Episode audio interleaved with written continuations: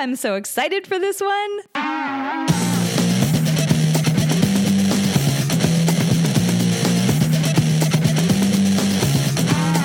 Welcome to the Women Inspired Podcast. I'm your host, April Seifert.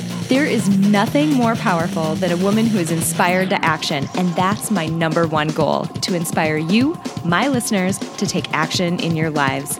Each week, I get to interview some of the most inspiring women, and I'm bringing those interviews to you. Let's do it.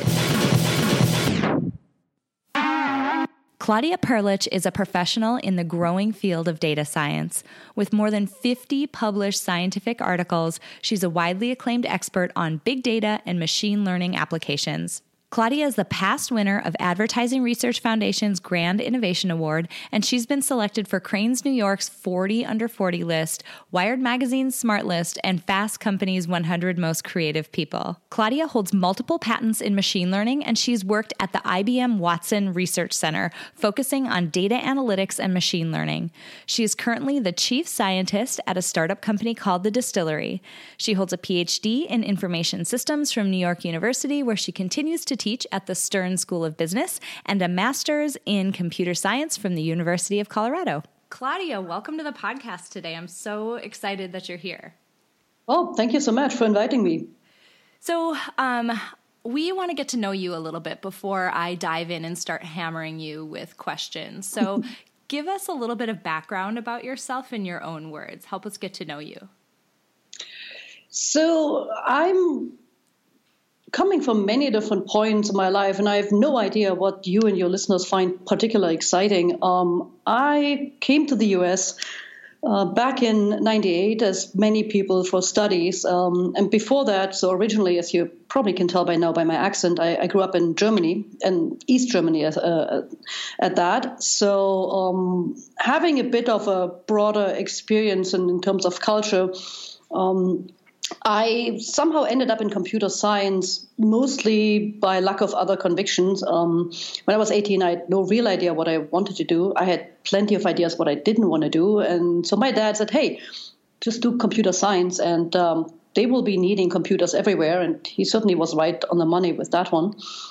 And uh, as I kind of went through my studies, I, by accident, uh, really by accident, I wasn't planning on that. Um, signed up for an exchange program with Boulder, Colorado, and met this fascinating guy who was teaching a course on artificial neural networks. And that sounded just so cool. I had no idea what I was getting myself into.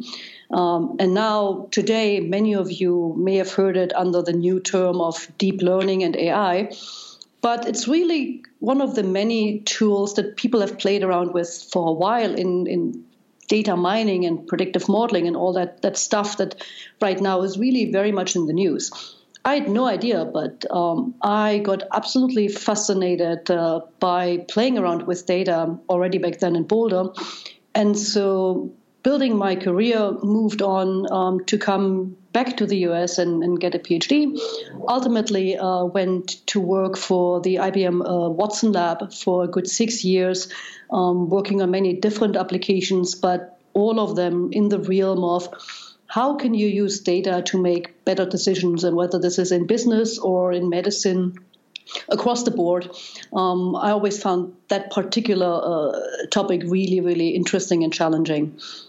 And a good seven years ago now, um, I was approached by some really cool startup out here in uh, in New York City that was working in ad tech. Now, ad tech wasn't really the dream of my uh, career plans, but it turned out to be this incredible time where data was massively abandoned in the uh, ad tech environment, much more so than I had ever seen anywhere else. And so I joined the company as a chief scientist and part of the appeal is that they let me have an awful lot of hobbies. So um, I'm very much engaged more broadly in uh, groups in kind of ad tech or specifically in machine learning. Um, so, for instance, there are groups like DataKind in New York City that volunteer data science skills to nonprofits to see how they can help there or Data and Society that really is focusing on some of the challenging questions of like what's the long term impact and are we really doing the right thing, embracing all these data things, and what would we be what should we be concerned about when talking about, for instance, privacy. So that's something where I feel I can contribute aside from my day job. And I also have a bit of a uh, teaching gig at NYU um, that I enjoy a lot, kind of sharing some of the experiences I've made through the years. That's an awesome background. I love that you have gotten involved with other organizations in addition to what you're doing during you know your day-to-day job DataKind is awesome they do some really neat work and i love that they um, they pair up data scientists with um, you know organizations that really need help in that area and maybe couldn't afford to have someone like you on staff. Um, something that i want to dive into before we go any further uh, for those of for those people who are listening to this and aren't super familiar with machine learning and data science, can you give us sort of the Cliff's Notes version of it and maybe give an example of how just an average person would encounter a machine learning algorithm in their day to day life and maybe not even realize it? oh, that's a that's a tall ask um, there. All right, so data science being a hot topic uh, today. I mean, in the old days, 10 years ago, you were just plain a geek when you did the kind of work I'm doing. And now it's a, it's a sexy job. So let's start where you encounter um, data science and machine learning. And the truth is, when it's really well done, you don't even notice. So it almost infiltrates your lives uh, in a very um, unobtrusive way. So you hopefully don't know that you have a spam filter you do know that you have a spam filter, you probably know it because it failed and gave you spam that you didn't want to read. So, one of the examples um, that uh, most of you should be aware of is um, that when you get your email, you get a lot of stuff you don't want because people are trying to advertise to you, for instance, all the time. And there is an algorithm embedded in your email system that somehow decides based on the words how often they are misspelled and where the email came from, that this was probably not an email you really wanted to see. Now, how does the algorithm know that? Well, that's where machine learning really originates. You you look at many people's email and a lot of the emails that people have said, I really didn't want that. It doesn't have to be you saying it. Just many, many people having in the past decided that this is really email they don't want to get and then you give these as examples. It's almost like teaching school children the uh, the alphabet or simple math. You tell them what the right answer is. Here's an email that was spam, and here's an email that wasn't. And if you give a machine a lot of those, they're kind of slow, relatively speaking, learning certain things. So it's not like uh, kids in class, but you have to give them hundreds of thousands of these examples. But when you have hundreds of thousands of examples, they can really learn amazing stuff that school children ultimately can't learn. So, machine learning is, if you want, the automated computer version of teaching through example. You give them enough examples, and the algorithms then starts to learn. Hey, every time I see this weirdly spelled thing starting with a V, and it pretends to be a pharma-related thing, it's probably not an email you wanted to get because I've seen many examples that look like that. And what you now see in many other domains, whether this is self driving cars, um, all the recommendations you get on Amazon, um, the things that get delivered to you when you search on Google, all of these algorithms really draw learnings and insights from interacting with hundreds and thousands of people where they're being taught what the right answer should be. That's a really great way of explaining uh, what can be what can be a really complicated black box field. Um, a lot of people, I love that you gave the answer in a way that people could understand it because a lot of people who work in this field try very hard to show how smart they are and show how fantastic they are and make it completely under. Uh, unable to be understood. So I think it's great that you gave a really straightforward um, answer. So you mentioned that you got interested in computer science when you were 18 just based on your dad saying, Hey, I think you should be in computer science. Is that really how simple it was? He just suggested and you said, Yeah, okay, cool. I'm going to go code for like 10 years. Um, well, first off, I was a bit brief. So I'm kind of the classical tomboy with interests very much on the mathematical side. So I was always very good in school in, in math. I actually loved biology and natural sciences, but when you actually look under the hood, what people who study biology typically end up getting to do, that was a lot less appealing. So, on the other hand, pure math, I, am kind of practical. I, I, like to solve real problems and kind of live in the world. So, math itself wasn't super exciting beyond a certain level, despite the fact I was good at it.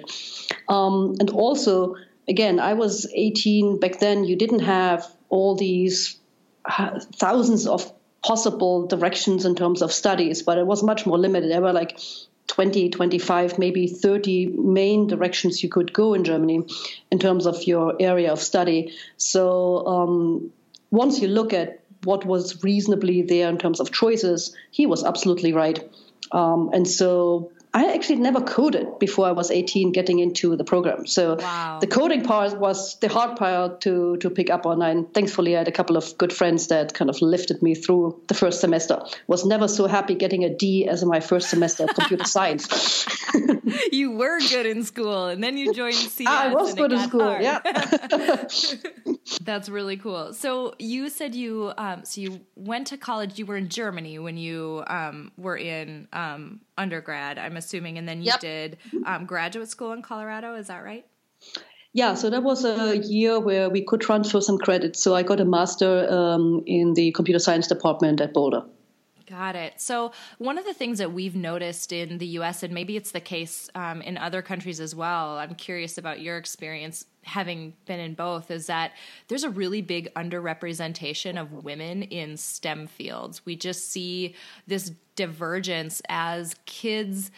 Um, start to move into really about the time that math starts getting hard. We see uh, boys and girls start to split up a little bit more, and girls stop pushing as hard um, into more difficult math, into things that would fall underneath, um, you know, STEM uh, STEM careers, and it just leaves them not as set up well to go into that in college. So it really starts very early, but the result of it is that there's not a ton of women or there's not an equal amount, I guess, of women who are in you know, studying STEM fields within mm-hmm. um, universities today. Did you notice that in either Germany or the US? And what was your experience there?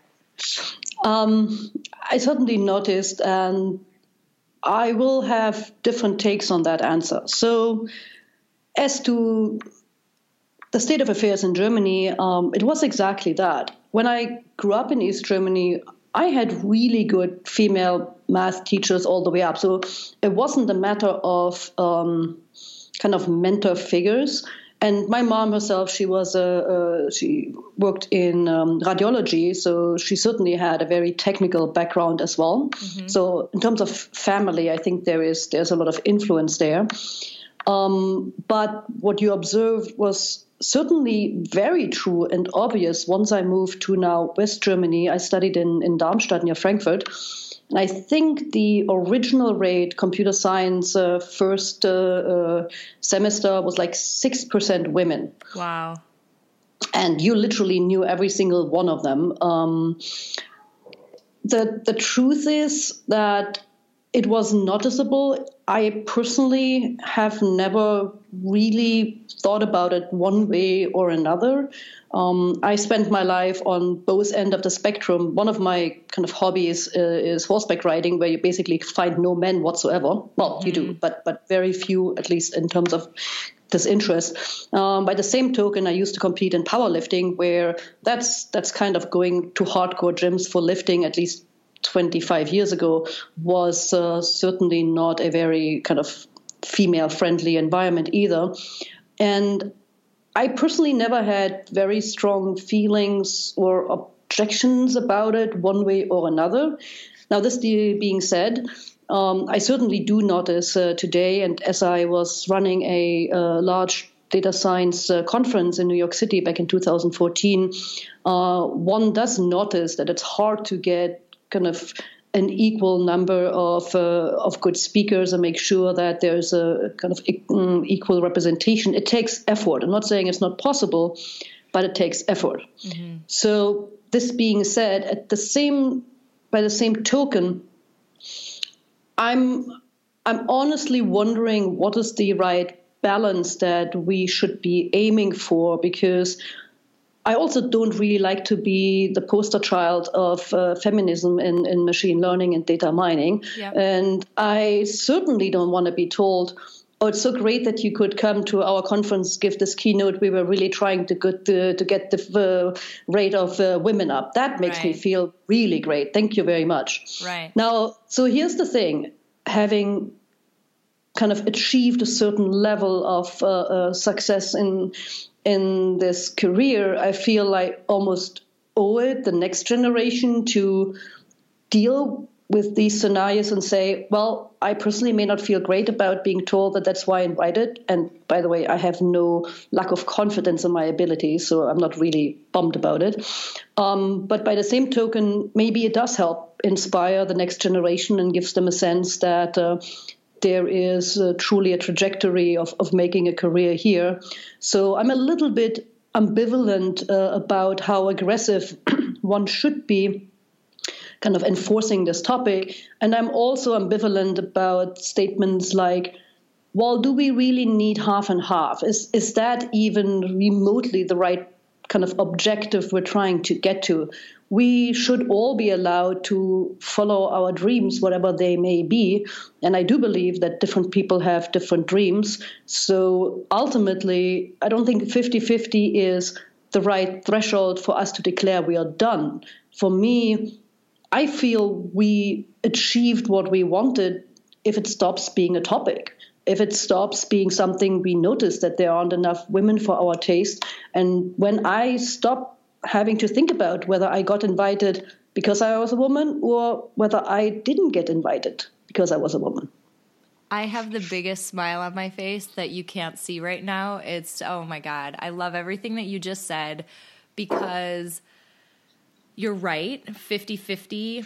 It's really, that's an arbitrary proportion. It yes, it's proportional to the population, but at the same point, we don't know if that is if everyone was given the exact same opportunities if everyone was given the exact same uh, you know ability to express their dreams and chase after them that that's where it would land. So somewhere out there if you think about you know what the what the true proportion of data science inclined men and women would be maybe it isn't 50-50 i don't know. But i love the way that you described I guess we're going to be done when we don't have to talk about this anymore, when people don't feel weird for one way or another. Um, the other thing that I really loved about what you said is um, you are happy to be that example for the next generation. One of the things that, and I, people who listen to this podcast have heard me say it a number of times, but one of the reasons why I'm doing this is that it's really hard to envision yourself doing something if you've never seen anyone else like you do it first. So I think it's really important to show just an example of, of examples of women doing a variety of different things to say, hey, if you want to go um, be a skydiver, go check out this woman on the podcast um, in the early episodes who was a skydiver. By the way, if you want to be a power lifter, you've mentioned it, and you should check out episode number nine. We interviewed a power lifter who has set some serious records in the sport. I mean, there are a variety of different things that women can do. Here's some examples. What thing do you think looks cool? Go do it. So I yep. think it's really neat that you have characterized it that way because it's not just a black and white, it has to be 50 50 sort of thing. And I think it's really cool that you have um, described it that way. And I also love that you said, I'm confident in my abilities, so I don't care, I'm not freaked out about it. That's a hard thing for people to say, is for them to say, no, I'm actually really good at this. And you are, obviously, given the credentials and the level with which your career has, you've been able to achieve in your career. Well, what you don't see right now is me blushing, but okay, let's yes. go. so think about what does your average day look like and what is I guess the most challenging part of the work that you do? So, um, all right, let's start with my day. So, the other parts of my life that I typically don't kind of broadcast very much. Um, I, I, have a 12 year old son that uh, I'm raising um, in not exactly a single mom, but kind of a co parenting situation. And uh, I'm really, really appreciative and lucky having been able kind of to, to juggle a real career and um, uh, being there for, for my son. So he's a big part of that. Not I wouldn't want to go too much into that, but um, I'm having a lot of flexibility in terms of how I uh, use my day, and so I'm really trying to find. Um, time blocks to uh, interact with people here in the office. I mean, one of the most fun parts for me still today is brainstorming with other people about problems they have and how to possibly solve them. The kind of puzzles, the, the stuff I loved in fifth grade math, uh, puzzles they gave us still today absolutely fascinates me. Give me a good problem and hey, I'll drop everything and, and jump on it. So I still get to do a lot of that. Um, I'm also doing a lot more kind of public work similar to this. I'm giving a lot of talks. I, I think I calculated in 2016 it was like 60 something uh, speaking engagements over the year. So um, my my company appreciates my role as an ambassador, not just for women in data science, but specifically for the capacities and the cool stuff we do here. And I, I really like that a lot. So I enjoy that that part. Um, and so between kind of those things, I also love to jump on specific uh, projects um, and get my hands dirty with data and kind of look around there. I'm not a hardcore coder, so I wouldn't be building here in some kind of agile environment, which is how they run software these days. Uh, spend a lot of time coding, but I still love to play around very much hands on, and that's probably the other third of this. Um, what's difficult? So I think it's a blessing and a curse in terms of having the flexibility and the freedom. So just finding kind of a good way of setting priorities for yourself that A makes you effective and B gives you a sense of achievement. Um, it's very easy to be dissatisfied if you don't get everything you ever promised yourself to do. And so the older you get, up to up to end of high school, I was absolutely on top of stuff. Um, during my undergrad and grad studies, I was still okay. It kind of worked out. And starting with my PhD, stuff just fell apart. You have to realize that it's okay to drop certain balls. Mm-hmm. And you just need to get really, really good at figuring out which are the balls you need to care about. Absolutely. So, um, and that really just gets kind of more and more intense as as you uh, kind of continue your career. And the more uh, kind of high level things you do that are not oh i built this algorithm and it performed and it did this and that um, that's very satisfying but you get to do less and less of that. And so the sense of walking into your door in the evening at home and feeling hey i achieved something that's hard to preserve as you have kind of a more flexible and vague description of what your job actually is. Right. Yeah. I yeah, I I can totally relate to that. That means um, that makes a ton of sense. So as you uh, look back over your career, you know, you mentioned your dad you know suggesting to you that you go into computer science and you know the uh, getting interested in machine learning and neural networks and that type of thing you know experiences and circumstances and um, other people they happen to all of us. So circumstances come up and that happens to everybody. People meet people all the time. Um, but that not every single one of those people achieves a massive level of success the way that you have. So, I guess my question is what is it about you in particular that you think has led to your success? So, like I said, people have circumstances all the time. People meet people all the time, and not everybody ends up being successful. So, but you did. So, what is it about you, do you think, that's led to your success? Wow, um, that's a tall order. Um, so, it is, I can, I looked at my career not very strategically. I never really planned things. In fact, my life taught me that nothing I ever planned for really worked out that way. Many of the things, including my career, were uh, in some ways accidental, not not in terms of lucky, but more in terms of different opportunities, as you pointed out, just present themselves. And yes, some people are really good at creating opportunities. I think for me, it was more about recognizing a good opportunity when you see it, so having some judgment. And often that was even a, a gut reaction. So I picked, for instance, my first job going to IBM. Um, I just loved the atmosphere, the people there, the people to work with. There seemed to be a sense of collaboration and uh, and, and, friendship. And for instance, talking of uh, uh, mentors, I hadn't even signed the job yet. But oh, by the way, I was eight months pregnant when I interviewed. That was fun. Um, everybody was tiptoeing uh, uh, around the topic. Uh, it was really fun. Right, because they can't ask you, but it's exactly. really obvious at that point. and um, the the head of the department was Brenda Dietrich, um, and she herself is an incredibly uh, successful uh, woman. She raised four kids, and she sent me a, a, letter congratulating me to the birth of my my my kid. And it just it felt like a place where these things are acknowledged as being part of your life. And so similarly, choosing my PhD advisor. So hey, anybody out there trying to get a PhD, here's the trick. First find a good advisor and then do whatever topic, whatever, doesn't matter. Totally. But finding a person you feel comfortable working with and for who has really your best interests at heart. And that kind of you you can rely on your gut to some extent is very important.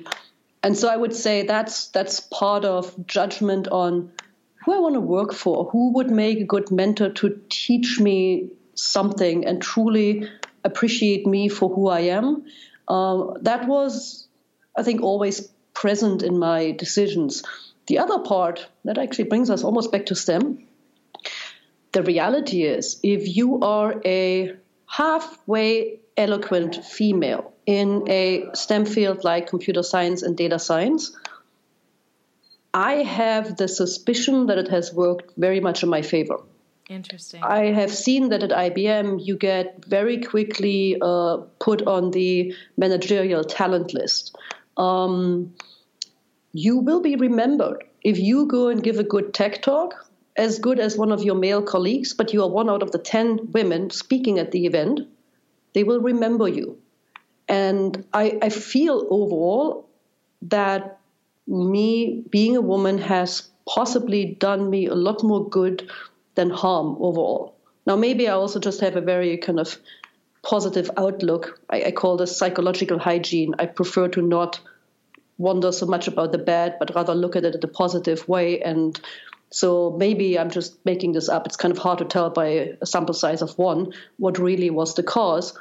Um, but a lot of the things um, that I now, looking back, um, recall in terms of interactions, uh, I was very fortunate, and I suspect gender had something to do with it.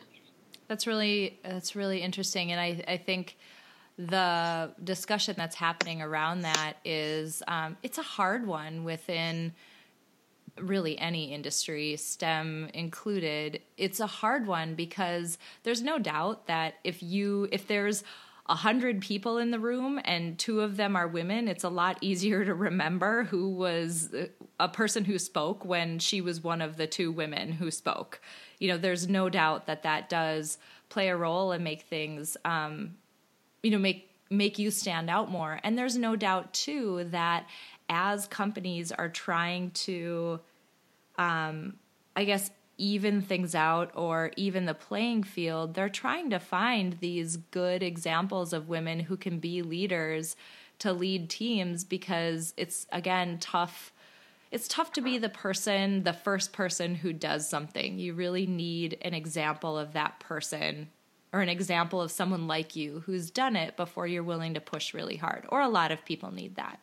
Um, so, yeah, I could see it operating in both directions. And at the same point, I can also see a point that you made earlier where knowing those things, some people could possibly think, oh my gosh, did I only get that because I'm a woman? Or did they give that to me and would they have done the same thing if I was a man?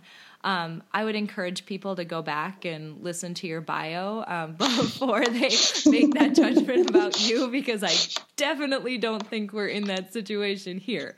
But, um, you know, it, it does, it makes it a very complicated but important discussion for us to have. And I don't have all the answers, um, but what I will say is that there's there's some complex stuff underneath those uh, covers, and you've you've touched on a lot of it with a lot of the things that you've brought up. So as you as you look ahead, what's your next big goal? Maybe it's in your career, maybe it's somewhere else. Um, what's the next big thing you're working on? um, so I think that this is really an incredibly exciting time where, as data science becomes so much more broadly kind of infused in our lives, I feel very strongly about being able to communicate to the many different constituents what's actually happening. Mm-hmm. To your earlier point, for a lot of them, it's a black box, and the industry itself almost likes to embellish the hype of, you know, calling it artificial intelligence totally. or whatever else you want. And so I feel that it's really a fascinating challenge to have like a broader education of what these things truly are, what they can do, what they cannot do, because you can be wrong on both sides. You can blindly trust algorithms when I personally don't think you should. By the same token, I'm so amazed and still today fascinated by what that technology can do if it's done right. So I feel that besides building things and learning more, my role as maybe an educator or communicator is likely going to increase over the next uh, couple of years. Totally agree. Oh my gosh. When you said uh, people like to embellish what happens within this field, you just, you didn't get to see my eye roll. It's amazing what you hear sometimes. Um, it's kind of crazy. So, as you look back now, um, think about your career, the trajectory you've had, everything you've encountered. What advice would you have for other women? So, I have often kind of worked with some junior women, whether they were here uh, at the Dstillery or in other places, and I'm not really sure how to to provide confidence in yourself. I think this is really where a lot of that starts. How to not wonder too much whether you're good enough or not. And very often, I find people who are actually extremely good be the ones who worry the most. It almost comes with the motivation, it's what drives us to get better. But I would love to tell all of you don't worry so much. Just pick something that you're really excited at doing and give it your all and maybe put some of the doubting thoughts and the imposter syndrome that many of us uh, uh, suffer from on the back burner and just uh, trust me when I tell you I've probably been there and typically nothing good comes from dwelling too much on those. The second part is find yourself great people to work with. Um, I have learned so much from people from very different fields. And ultimately, although being an introvert by nature, uh, the irony today is that I have somehow arrived at a point where I have an amazing network of friends in many different places um, that I have worked with and learned. So, pretty much anything that comes to me on my table, like for instance this podcast, I look at as an opportunity to do something fun and learn something new. And my standard answer is always yes, unless I have a good reason to say no. So I'm not being strategic or kind of planning ahead, but take chances and really um, the best opportunities are some of these things that arise accidentally around you um, and prove yourself through that through the friends that you make and stop wondering too much whether you're good enough you are awesome. You're so awesome. Like perma smile on my face, I guarantee for the rest of the day. That was perfect and amazing. Um, I have one final question and it is a question that I ask every single person who is on the podcast. We have um, all along throughout the episodes that I've been releasing, we've been compiling a growing Spotify Power playlist, which is basically a bunch of songs that are all curated by the women I've been interviewing, and each guest um, gives me her contribution to that playlist. So I have to ask you for whatever your favorite motivational song is, so I can add it to our playlist. So my motivational songs are all instrumentals because my brain doesn't work if there's any language going on that I understand. Got so it. when I was 10, I could still listen to English songs. These days, uh, no longer. so unfortunately, or fortunately, I love to um, really listen to some of the more modern, even crossover. I love what Max Richter has done, his re recording of Vivaldi. I find absolutely fascinating. Um, I have uh, played around uh, with things like E.S. Posthumus. And this is just really strong, big uh, orchestral work that, I don't know, it just puts my brain in this, what they call flow in psychology. It's just mm-hmm. everything around you falls away and you're just in that one thing that you're trying to do. Beautiful. Those are awesome, uh, awesome additions. And if I can find them on Spotify, which I can find almost everything's on Spotify these days, I will definitely add them to our playlist. I really appreciate it. Um, I can't thank you enough for saying yes to this podcast and being willing to be here. Some of the people that you've spoken to and some of the other podcasts that you've been on are um, much greater listenership than what mine is. And so I appreciate that you're still willing to reach out and share your story and everything that you've learned. I so appreciate it. Um, this has been fantastic. Thank you so much for having me.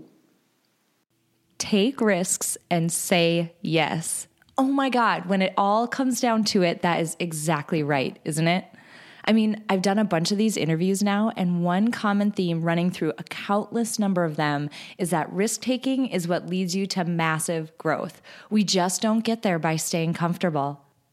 I also love that she called out the imposter syndrome. Can I be honest? So, my real job is in data science. And when I learned about Claudia and her work, I instantly knew that I wanted to interview her for an episode for this podcast. But I also immediately felt like the work that I do isn't anywhere close to the work that she does. Then I listened to an interview she gave on another podcast called Partially Derivative. If you're at all nerdy, you would really love that podcast. And I realized that we have a pretty similar approach to the field. So maybe I shouldn't sell myself completely short, and you shouldn't either. I really hope you enjoyed meeting Claudia as much as I did. Now, hey, you guys are starting to nominate people to be featured on this podcast, and I love that. What is cooler than having women lift each other up to be celebrated in this way? If you know someone who might make a great guest, head over to aprilseifert.com and tell me about her through my contact page. She might be the next woman to be featured on this podcast. If you're enjoying these interviews, please leave me a rating and a review on iTunes or wherever you get your podcasts. I'm kind of everywhere these days. Thank you for joining me for this episode. And there are so many amazing women coming up in uh, the weeks to follow, and I can't wait for you to meet them. So until then, have an inspiring week.